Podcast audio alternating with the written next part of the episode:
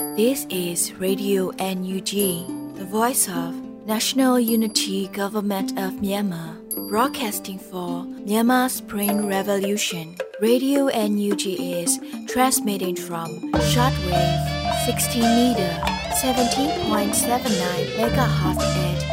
8:30 a.m. and 25 meter 11.94 megahertz at 8:30 p.m. Myanmar Standard Time. မင်္ဂလာပါရှင်အမျိုးသားညီညွတ်ရေးအစိုးရရဲ့အတန်လွတ်ဌာနရေဒီယို NUG ကိုမန္တပိုင်း၈နိုင်ခွဲမှာလိုင်းတူ6မီတာ19.7ခွန်ကုန်းမဂါဟတ်စ်နဲ့ညပိုင်း၈နိုင်ခွဲမှာလိုင်းတူ25မီတာ17.6ကိုလီမဂါဟတ်စ်တို့မှာဓာတ်ရိုက်ဖမ်းယူနားဆင်နိုင်ပါပြီရှင်မင်္ဂလာအပေါင်းနဲ့ကြည့်ကြကြပါစို့အခုချိန်ကစပြီးရေဒီယို NUG စီစဉ်လေးကိုဓာတ်ရိုက်အတန်နဲ့ပေးနေပါပြီ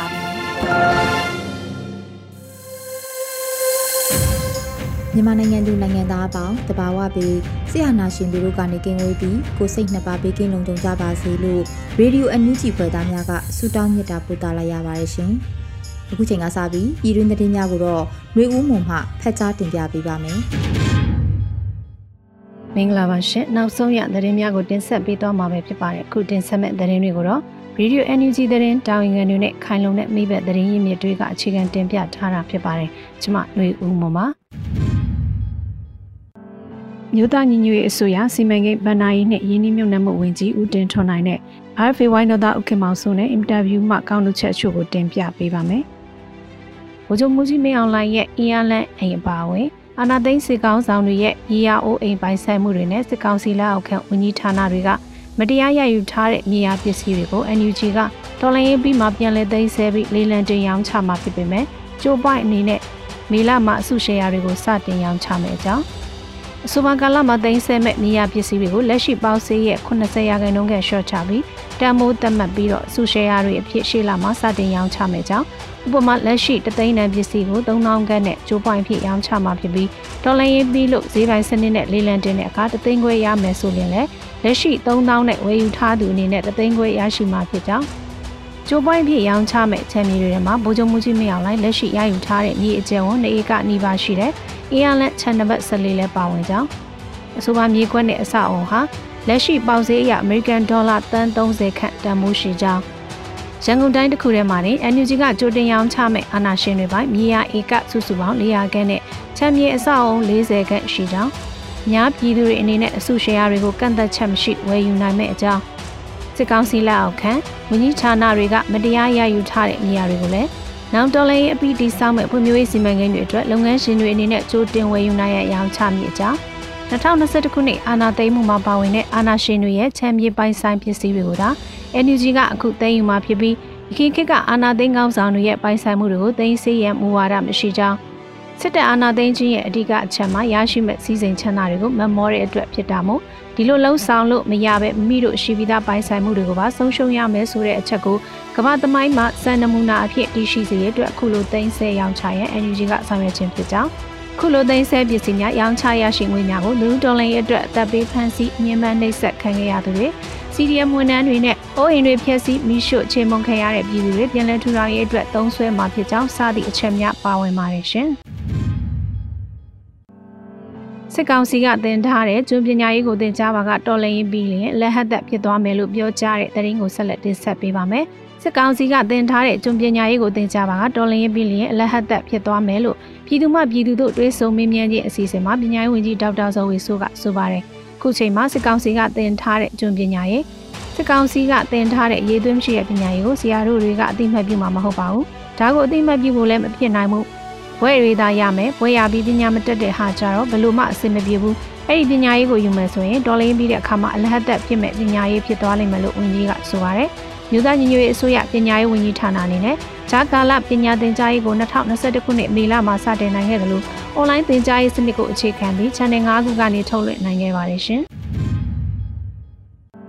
မုံရခရိုင်ပြည်သူ့ကာကွယ်ရေးတရင်နဲ့မဟာမိတ်တပ်များမိုင်းခွဲတိုက်ခိုက်မှုကြောင့် ကြောက်စပုံလန်းထိပ်မှာစစ်ကောင်စီတပ်ဖွဲ့ဝင်10ဦးကျော်သေဆုံးတဲ့သတင်းကိုဆက်လက်တင်ဆက်ပေးပါမယ်။ဧပြီ22ရက်နနက်9:20မိနစ်20အချိန်မှာမုံရခရိုင်တပ်ရင်းနှင့်တပ်ခွဲလေး FFP ပြည်သူ့ကာကွယ်ရေးတပ်ဖွဲ့နဲ့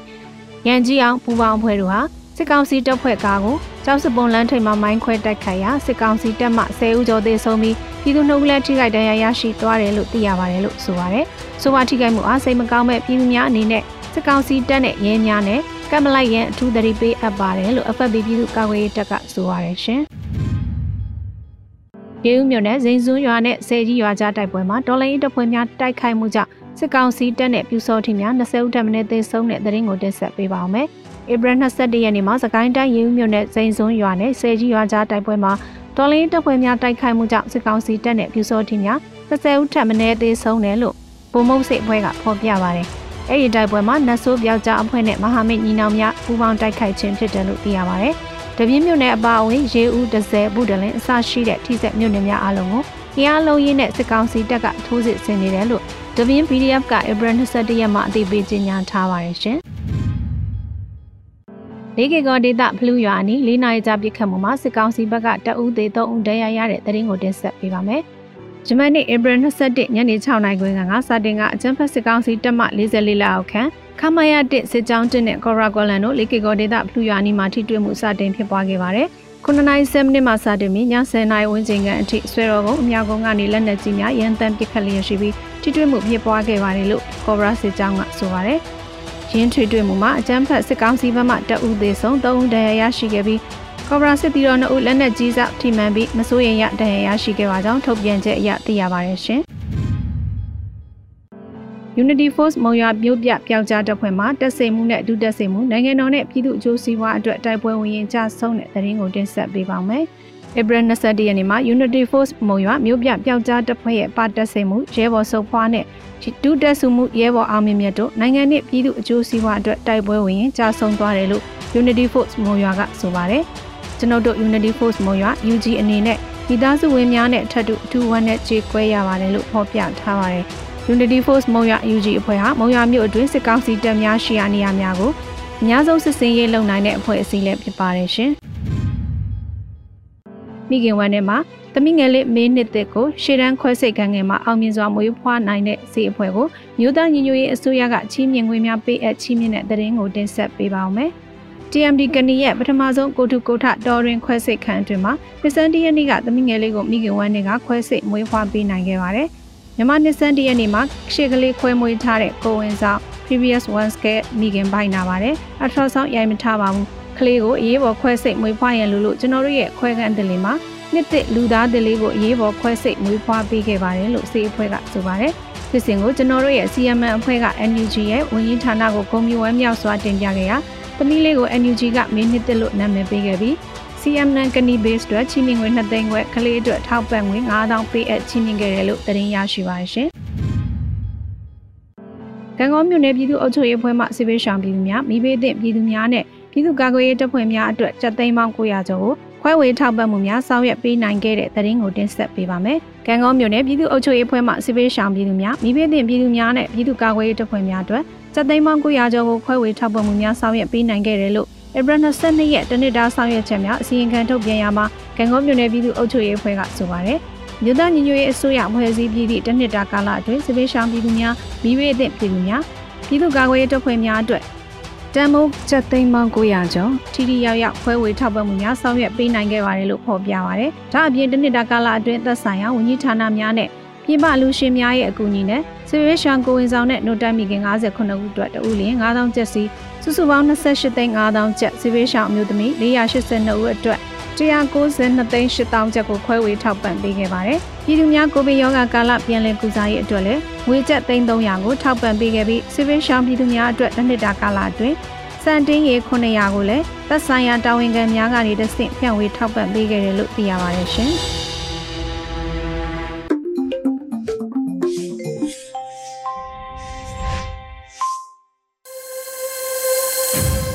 ရေဒီယိုအန်ယူဂျီမှာဆက်လက်တမ်းလွှင့်ပေးနေပါတယ်။အခုတစ်ခါမိုးမခဆောင်းပါးစီစဉ်မှာတော့စစ်ကြောရေးမှာအသက်ဆုံးရှုံးရတဲ့ပထမဆုံးအမျိုးသမီးဆိုတဲ့ဆောင်းပါးကိုຫນွေဦးမောင်မှဖတ်ကြားတင်ပြပေးပါမယ်ရှင်။စစ်ကြောရေးမှာအသက်ဆုံးရှုံးခဲ့ရတဲ့ပထမဆုံးအမျိုးသမီးမန္တလေးတိုင်းခရိုင် NLD ဒုဥက္ကဋ္ဌဖြစ်သူဦးကိုကိုလေးရဲ့ဇနီးဖြစ်သူကိုဧပြီလ12ရက်နေ့မှာ မန္တလေးမြို့မှာဖမ်းဆီးခံရပြီးဧပြီလ18ရက်နေ့မှာတိတ်ဆုံးသွားတယ်လို့ဒီနေ့သတင်းတွေထဲမှာဖော်ပြကြပါတယ်။စနီးတိတ်ဆုံးတဲ့သတင်းကိုကြားသိရပြီးနောက်မှာပင်တရားဘက်သိမ်းရှောင်နေတဲ့ခင်ပွန်းဖြစ်သူလည်းစိတ်ထိကြိုက်ပြီးတိတ်ဆုံးသွားတယ်လို့သတင်းတွေလည်းထွက်ပေါ်နေခဲ့ပါတယ်။စနီးတိတ်ဆုံးတဲ့သတင်းကြောင့်တိမ်းရှောင်နေရတဲ့ခင်ပွန်းဖြစ်သူတိတ်ဆုံးသွားတယ်ဆိုတဲ့သတင်းကအတိမပြုတ်နိုင်သေးပေမဲ့ဦးကိုကိုလေးရဲ့ဇနီးကတော့စစ်ကြောရေးလက်ထဲမှာညင်ပန်းနှိပ်စက်ခံရပြီး အသက်ဆုံးရှုံးသွားခဲ့တာကိုတော့မိသားစုနဲ့မန္တလေးအတိုင်းဝိုင်းတွေကအတီးပြုကြပါတယ်။အလောင်းကိုပြန်မပေးဘူးလို့လည်းသတင်းမှာဖော်ပြထားပါတယ်။ဒီအဖြစ်အပျက်ဟာအယက်သားအမျိုးသမီးတအုပ်အနေနဲ့စက်ကောင်စီစာရဖားတို့ရဲ့နှိပ်စက်ညှဉ်းပန်းမှုနဲ့ပထမဆုံးအသက်ဆုံးရှုံးရတဲ့သူဖြစ်ပါလိမ့်မယ်။ပြီးခဲ့တဲ့တစ်နှစ်ကျော်ကာလအတွင်းဆန္ဒပြသူအမျိုးသမီးပျောက်ကြားလှုပ်ရှားမှုဖောက်ခွဲမှုတွေမှာပါဝင်တဲ့အမျိုးသမီးတွေ ရာနဲ့ချီဖမ်းဆီးခံခဲ့ရပြီးစစ်ကြောရေးမှာပြင်းပြင်းထန်ထန်ရိုက်နှက်ခံခဲ့ရတဲ့တဲ့ရင်တွေလိမ်ပိုင်းဆိုင်ရာကိုထိလက်ရောက်စော်ကားမှုမျိုးတွေကာရီအိန္ဒြေပြက်စေတဲ့ပြောဆိုမှုစော်ကားမှုတွေကိုဒါဇင်နဲ့ချီတဲ့အမျိုးသမီးဆန္ဒပြသူတွေစစ်အာဏာသိမ်းမှုစန့်ကျင်ရေးလှုပ်ရှားသူတွေခံခဲ့ကြရတဲ့အကြောင်းအင်တာဗျူးတွေသတင်းတွေမှာဖတ်ရှုကြားသိခဲ့ရပြီးအခုအဖြစ်အပျက်ကပထမဆုံးသောအသက်ဆုံးရှုံးတဲ့အထိညှဉ်းပန်းနှိပ်စက်မှုဖြစ်ပါလိမ့်မယ်။ စစ်အာဏာသိမ်းမှုအပြီးစန့်ကျင်ဆန္ဒပြမှုတွေမှာအမျိုးသမီးအရေးအတွက်များစွာအသက်ဆုံးရှုံးခဲ့ရပြီးဖြစ်ပါတယ်။ဆန္ဒပြပွဲမှာပထမဆုံးသောတနက်နဲ့ဦးခေါင်းကိုပြစ်ခံရပြီးအသက်ဆုံးရှုံးရသူကနေပြည်တော်ကမတ်များတွတ်တွက်ခိုင်ဖြစ်ပြီးမကြာခင်မှာဒုတိယအနေနဲ့မန္တလေးကအကျယ်စင်လို့ခေါ်တဲ့ဆန္ဒပြသူမိန်းကလေးဖြစ်ပါတယ်။ဒီလိုစစ်ကြောရေးမှာအသက်ဆုံးရှုံးရတဲ့အဖြစ်အပျက်တွေကအရင်88စစ်အာဏာသိမ်းပြီးနောက်ပိုင်းမှာလည်း ရှိခဲ့ပေမဲ့အခုလောက်အရေးအတွက်မများခဲ့တာတွေ့ရပါတယ်။အခု2021ခုနှစ်စစ်အာဏာသိမ်းပြီးနောက်စန့်ကျင်ရေးလှုပ်ရှားမှုတွေကြောက်ကြားလှုပ်ရှားမှုတွေနဲ့ပတ်သက်လို့ဖမ်းဆီးတဲ့အခါမှာစစ်ဆေးမေးမြန်းစဉ်တိတ်ဆုံးရမှုတွေအတွက်စစ်ဆေးရသူတွေမှာဘာတာဝန်မှယူစရာမလိုအပ်ဘူးဆိုတဲ့သဘောလို့ကောက်ချက်ချရမှာဖြစ်ပါတယ်။တနစ်ကျော်ကာလအတွင်းစစ်ကြောရေးလက်ထက်မှာအသက်ဆုံးရှုံးရသူဦးရေတရားကျော်သွားပြီလို့သတင်းဌာနအချို့မှာ ဖော်ပြထားကြပါတယ်။ဒီလိုလူအသက်တရားကျော်ဥပဒေမဲ့တည်ဆုံးရတဲ့ကိစ္စရပ်တွေနဲ့ပတ်သက်လို့စစ်ကောင်စီဘက်ကသတင်းစာရှင်းလင်းပွဲတွေမှာတလုံးတပါတာမှဖြည့်ရှင်းခြင်းမပြုခဲ့သလိုသတင်းထုတ်ပြန်တာမျိုးလဲတစ်ချိန်မျှမလုပ်ခဲ့ပါဘူး။အဲ့ဒီအချက်ကိုကြည့်ရင်စစ်ကောင်စီကဥပဒေမဲ့လုပ်ရက်ကိုတရားဝင်ဝန်မခံရဲပေမဲ့တစ်ဖက်မှာအခုလိုဥပဒေမဲ့တပ်ဖြတ်လို့ရတယ်ဆိုတဲ့သတင်းစကားကိုစစ်ကောင်စီစန့်ကျင်သူအရက်သားတွေကိုပါကျင်တဲ့အတိတ်ပဲလို့ ကောက်ချက်ချနိုင်ပါတယ်။နောက်တစ်ချက်ကတော့အာနာဘကွက်သားလို့ဖြစ်နေတဲ့ဆရာဖအဖွဲ့စစ်ကောင်စီတပ်ဖွဲ့ဝင်တွေကိုဇက်ထင်းချုပ်တာမျိုးမလုပ်ပဲဘကွက်သားတွေကိုခိုင်းစီလို့ရဖို့ကအဓိကဆိုတဲ့သဘောမျိုးလဲကောက်ချက်ချမိပါတယ်။ဒီနေ့မနက်ရန်ကုန်မြို့ကမာရွတ်ရဲစခန်းကိုမြို့ပြပျောက်ကြားအဖွဲ့တစ်ဖွဲ့ကလက်ပစ်ပုံးနဲ့တိုက်ခိုက်ခဲ့ပြီးနောက်ရဲစခန်းတွေကပြန်လည်ပစ်ခတ်ရမှာဈေးဝယ်ကားစီးနှင်းလာသူနဲ့လက်တွန်းလဲနဲ့ဟင်းရွက်ရောင်းသူတို့တို့တိတ်ဆုံးခဲ့တဲ့တဲ့ရင်လဲမီဒီယာတွေမှာ ဖော်ပြထားကြတာတွေ့ရပါတယ်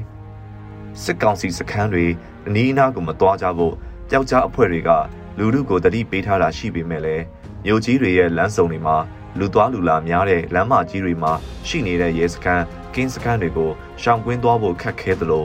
အနီးအနားမှာလည်းလူနေအိမ်တွေရှိနေတတ်တာကြောင့်အခုလိုထိခိုက်သိမ်းဆုံးကြရတာလည်းဖြစ်ပါတယ်။ရုပ်ပြပျောက်ကြားတိုက်ခတ်မှုတွေခုရက်ပိုင်းခက်စိတ်စိတ်ပြန်ဖြစ်လာနေပြီး ရဲကင်းတွေစစ်ကောင်စီတပ်တွေချထားတဲ့လုံခြုံရေးကင်းတွေကိုပြစ်ခတ်ထွက်ပြေးတာတွေရန်ကုန်မြို့မှာရက်အနှဲငယ်တိုင်းဖြစ်ပွားနေတာလည်းဖြစ်ပါတယ်။ဒီနေ့သတင်းတွေထဲနောက်တစ်ပုတ်ကတော့ရှမ်းပြည်နယ်တောင်ပိုင်းပင်လုံနယ်ဘက်မှာရှမ်းတိုင်းရင်းသားလက်နက်ကိုင်နှစ်ဖွဲ့ဖြစ်တဲ့ SSPP နဲ့ RCSS တို့စစ်ရေးတင်းမာနေတဲ့သတင်းပဲဖြစ်ပါတယ်။ပြီးခဲ့တဲ့ရက်ပိုင်းက RCSS တပ်ဖွဲ့ဝင်ရာကနန်းနဲ့ SSPB ဘက်ကိုကူးပြောင်းသွားတယ်ဆိုတဲ့သတင်းတစ်ပုဒ်လည်းဖတ်လိုက်ရပါတယ်။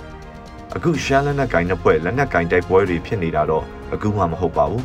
။ပြီးခဲ့တဲ့နှစ်တွေကတည်းကရှမ်းပြည်နယ်တောင်ပိုင်းရောမြောက်ပိုင်းနေရာစလုံးမှာရှမ်းလက်နက်ကင်နှစ်ဖွဲ့အကြားနယ်မြေစိုးမိုးရေးအပေါ်မူတည်ပြီးတိုက်ပွဲတွေဖြစ်ပွားနေကြတာဖြစ်ပြီးစစ်အာဏာသိမ်းပြီးနောက်ကာလတွေမှာလည်းစစ်ကောင်စီတပ်နဲ့တိုက်ပွဲဖြစ်ပွားတာမျိုးမရှိဘဲရှမ်းလက်နက်ကင်အချင်းချင်းအကြားနယ်မြေစိုးမိုးရေးတိုက်ပွဲတွေသာဖြစ်နေကြတာဖြစ်ပါတယ်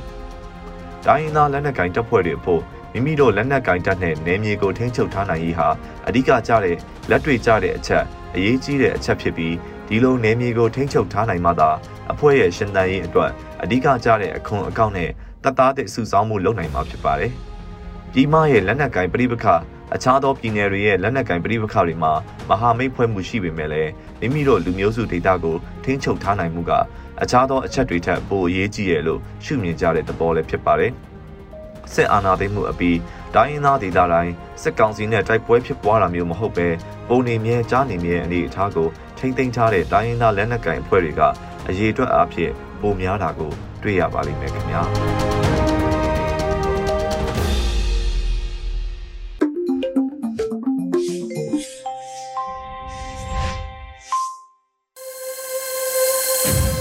ဗီဒီယိုအန်ယူဂျီရဲ့တော်လှန်ရေးတေးဂီတာစီစဉ်နေနဲ့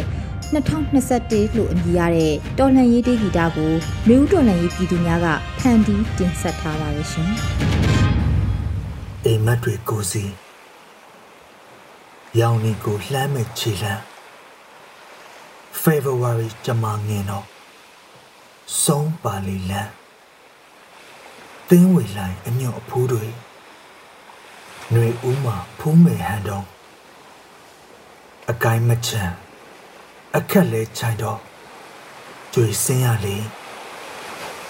အတ္တကိုချမ်းသစ္စာကိုရန်လို့မိစ္ဆာကိုဖိုဝင်ထိုးမယ်ကျုံဝါတိမှန်နိုးထားရပြန်နေအဝင်နေအထွက်ငါပြုသည်များဆွေရတို့မှာအတ္တမမှုကြာရှုံးစေပါ အတုမရှိမြတ်စွာ thank you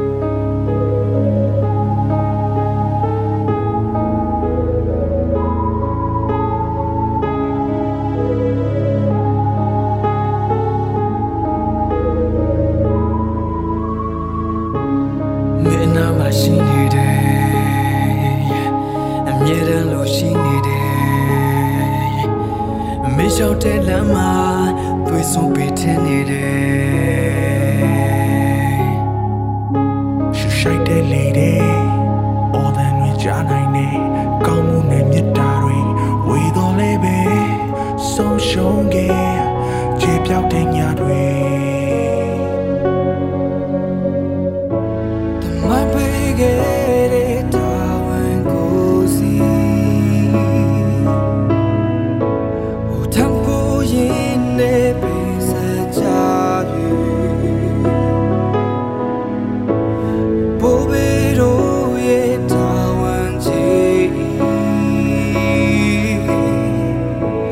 la cigale.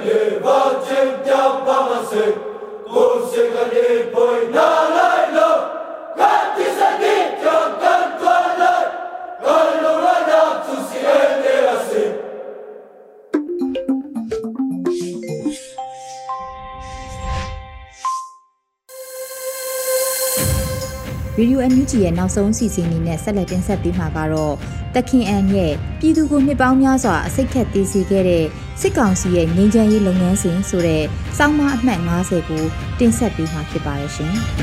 ။ပြည်သူကိုနှစ်ပေါင်းများစွာစိတ်ခတ်သေးစေခဲ့သောစစ်ကောင်စီ၏ငြိမ်းချမ်းရေးလုပ်ငန်းစဉ်လူဦးတိုက်ပွဲဟာစစ်မိတ်စာနဲ့ပြည်သူရန်ငါစီးပြက်မဲ့ပွဲ ပြည်သူသွေးကြွေးအတွက်စစ်ကောင်စီနဲ့ဆွေးနွေးစရာလုံးဝလုံးဝမရှိဘူးလို့အစချီပေးရစေဒီလိုကောင်းစဉ်ပေးတာဟာစာရေးသူတွေငြိမ်းချမ်းရေးကိုမလိုလားလို့မဟုတ်ပါဘူးရေဦးတော်လိုင်းရေးမှာငြိမ်းချမ်းရေးဆိုတဲ့စကားလုံးနဲ့စစ်ကြုံသက်ကိုဆွဲဆန့်ဖို့ကြိုးစားနေသူတွေငြိမ်းချမ်းရေးစကားလုံးနောက်ကတိုင်းပြည်အပေါ်မှာမိမိအတ္တအတွက်မတရားရယူကြမဲ့သူတွေ အဖွဲ့အစည်းတွေငြိမ်းချမ်းရေးလို့ပြောပြီးတိုင်းပြည်မငြိမ်းချမ်းမှသူတို့လှုပ်ရှားကင်စားခြောင်မဲ့သူတွေရှိနေလို့အခုလိုရေးသားရခြင်းဖြစ်ပါတယ်ပထမဆုံးအနေနဲ့ဒီစာကိုဖတ်စီခြင်းသောသူတွေကတော့မင်းအောင်လှိုင်ရဲ့စစ်ကောင်စီနဲ့အရန်ရန်ကိုဆွေးနွေးခြင်းပါတယ်ဆွေးနွေးမှပြီးမှာပါဆိုတဲ့ဆဆရကပါတီခေါင်းဆောင်အချို့နဲ့ မင်းအောင်လှိုင်ရဲ့ကြောတက်ခံထားရတဲ့အဖွဲ့အချို့ကိုဖတ်စီခြင်းမိပါတယ်ဒီနေရာမှာမိမိပြောမှသည်ပြည်သူ့ဘက်ရက်တီပြီးစစ်ကောင်စီကိုပြန်လဲတွန်းလှန်တိုက်ပွဲဝင်နေတဲ့အဖွဲ့အစည်းများ EAOs များမပါဝင်ဘူးဆိုတာကြိုတင်အသိပေးပါရစေတကယ်တော့ငြိမ်းချမ်းရေးစကားဆိုတာလူစကားနားလေသူများအတွက်သာတန်ဖိုးရှိတဲ့စကားလုံးဖြစ်ပေမဲ့ လူစကားနားမလဲတဲ့မင်းအောင်လှိုင်တို့လိုစစ်မိတ်စာအဆက်ဆက်အဖို့ငြိမ်းချမ်းရေးဆိုတဲ့စကားလုံးနဲ့ပြည်သူကိုအစိတ်ခတ်တတ်ခဲ့ပြီးသူတို့အတ္တအတွက်ဘာသာပြန်လိုက်ကြတာထမရီချောင်းစီမောင်းတီးလှူခဲ့တဲ့တိုင်းပြည်ဟာကမ္ဘာပေါ်မှာအစင်းရဲဆုံးဘဝကိုရောက်သွားခဲ့ရတယ်ဒီကြားထဲမဲရှုံးတဲ့ဖွတ်ပရက်ပါတီနဲ့ပြည်သူထောက်ခံမှုမရှိဘဲပြည်သူပါတီအမိခံထားကြတဲ့32ပါတီအပါအဝင် ပြည်သူမျက်နှာမမူတဲ့အဖွဲ့အစည်းအချို့ဟာမဲအောင်လှိုင်စစ်ကောင်စီရဲ့မငိမ့်ချမ်းရေးအဖွဲ့တွေနဲ့တွေ့ဆုံဆွေးနွေးရေးတွေ့ဆုံဆွေးနွေးရေးဂျာကာလာအစီမံဘာညာတာရကစကားတွေကြားရတော့စိတ်ထဲမှာဒီလိုမေးခွန်းတွေပေါ်လာတယ်တစ်ခမားတို့အခုထိစစ်မိတ်စာတတိုက်ကိုယုံနေတာလားနှစ်ဒါမှမဟုတ်ရင်စစ်ကောင်စီကိုကြောက်ရွံ့နေတာလားသုံး အပေါ်ကမေခွန်းနှစ်ခုမဟုတ်ရင်တော့ခမားတို့ဟာလက်ရှိအခြေအနေကိုตาယာနေတာလားဒါပဲမေးစရာရှိတော့တယ်စဉ်းစားကြည့်ကြစမ်းပါတိုင်းပြည်ကသူ့ဖာသာငြိမ်းချမ်းပြီးသားဘယ်သူလှုပ်လို့မငြိမ်းချမ်းတာလဲလွန်ခဲ့တဲ့1958ခုနှစ်ကတည်းကစစ်တပ်ဟာကိုယ့်နေရာကိုနေရင်တိုင်းပြည်ကငြိမ်းချမ်းပြီးသားနှစ်ပေါင်း80လောက်ကြာတဲ့အထိငြိမ်းချမ်းရေးဆိုတဲ့စကားလုံးနဲ့ ပြည်သူကိုဂျင်းထည့်လာခဲ့တာဘာတွေများထူပြီးပြည်သူတွေဘယ်နှခုနှစ်လောက်ငြိမ်းချမ်းခဲ့လို့လဲငြိမ်းချမ်းရေးဆိုတဲ့စကားလုံးဟာမဟာလာတို့လိုစစ်အာဏာရှင်အတွက်တော့သူတို့သက်ဆိုးရှည်ဖို့ဖန်တီးထားတဲ့ဇေကားကြီးတက်လက်ပါပဲရှင်းအောင်ပြောရရင်ဒီနေ့ဆက်ဆရက်ကတွေပြောနေကြတဲ့မဟာလာနဲ့ငြိမ်းချမ်းရေးစကားဝိုင်းဖြစ်လာရင်ဘာဖြစ်မလဲ အပေးအယူဆိုတဲ့စကားလုံးဟောင်းကြီးတစ်လုံးပဲထပ်ထွက်လာတာအဖတ်တင်ပါလိမ့်မယ်အပေးအယူဆိုကြတဲ့ကစစ်အာဏာရှင်ကိုဂိုင်းကူအသက်ဆက်ပေးလိုက်တယ်လို့ဖြစ်မှာဘယ်တော့မှအမြင့်ပြတ်မှာမဟုတ်တော့ဆဆရကတွေကထပ်ပြောလိုက်အောင်မယ်စစ်တပ်နိုင်ငံရေးပါဝင်မှုကိုဖြည်းဖြည်းချင်းရှော့ချရမှာပေါ့ဘာညာဆိုပြီးဒီမှာခမားတို့ရှော့လို့မကုန်ငင်မင်းအောင်လှိုင်ကအာနာပြန်သိမ့်လိုက် ခမားတို့ကငင်းငယ်ရေးဆွေးနွေးလိုက်နဲ့စစ်ခွေးကလူတွေသာပြောင်းသွားတယ်တောက်ကျင်နေမှမပြောင်းတာနေ့စဉ်ပြည်သူကိုတတ်နေတာခမားတို့လည်းသိနေတာပဲဗျာရှင်းရှင်းထပ်ပြောရရင်ကျုပ်တို့ຫນွေဦးတော်လန်ရေးဟာစစ်မိတ်စာနဲ့ရန်ငါစီးပြတ်ကြမယ်တော်လန်ရေးဗျခမားတို့လိုစစ်မိတ်စာအပင်ကိုအပေးအယူနဲ့အသက်ဆက်အောင်ဂိုင်းကူပေးနေတာမဟုတ်ဘူး အမြင့်ပါဆွဲနှုတ်မဲ့ပွဲပါခမားတို့ဆတ်ဆရကတွေမပါလဲမဟာလာစစ်တပ်အမြင့်ဖြတ်ဖို့ကျုပ်တို့ပြည်သူတွေအင်အားနဲ့အပြတ်တိုက်ကြမယ်တော်လှန်ရေးဆိုတာခမားတို့ဘယ်တော့မှမမေ့ပါနဲ့ဘာကြောင့်ပြည်သူကစစ်တပ်ကိုအမြင့်ဖြတ်ထားလဲဆိုရင်အဖြေကရှင်းရှင်းလေးပါဒီမဟာလာစစ်တပ်ရှိနေတဲ့၍ပြည်သူဘဝမလုံခြုံဘူးအချိန်မရွေးပြည်သူကိုနှိပ်စက်မယ်အနိုင်ကျင့်မယ်တပ်ဖြတ်မယ် အချိန်မရွေးအာဏာသိမ်းနေအောင်မှာပဲဒါကြောင့်ຫນွေဦးတိုက်ပွဲဟာစစ်မိတ်စာနဲ့ပြည်သူရန်ငါစီးပြအောင်ဖြတ်မဲ့ပွဲပေတရာလမ်းမထက်ကမချောက်သေးတဲ့ပြည်သူတွေရဲ့အသက်သွေးကြွေးအတွက်မဟာလာစစ်ကောင်စီနဲ့ဘာဆွေးနွေးစရာအကြောင်းရှိပါလဲတကယ်တော့စစ်ကောင်စီနဲ့ဆက်ဆက်ရကတွေပြောနေတဲ့ငြိမ်းချမ်းရေးစကားဆိုတာပြည်သူကိုနှစ်ပေါင်းများစွာ အစိတ်ခတ်သေးစေခဲ့တဲ့လုပ်ငန်းစဉ်ကြီးလို့သာပြောလိုက်ပါစီအရေးတော်ကိုအောင်နေပါပြီသခင်အန်ဒီနေ့မရရ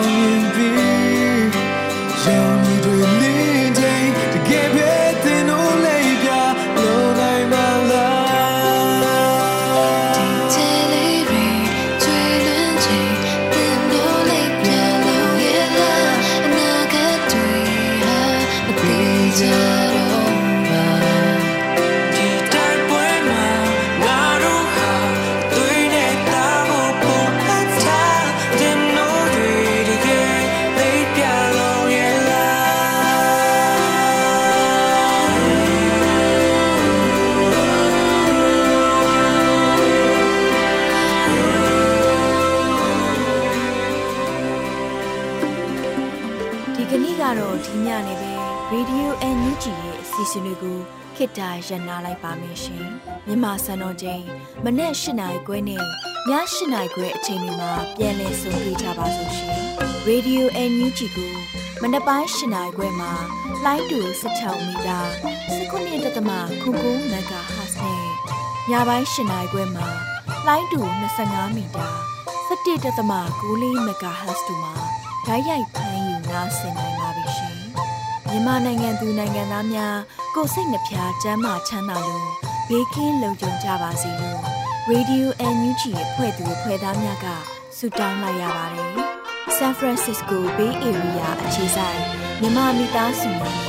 နိုင်ငံတကာကစေတနာရှင်များလိုအားပေးများရဲ့ Radio NUG ဖြစ်ပါတယ်ရှင်။အရေးတော်ပုံအောင်ရမည်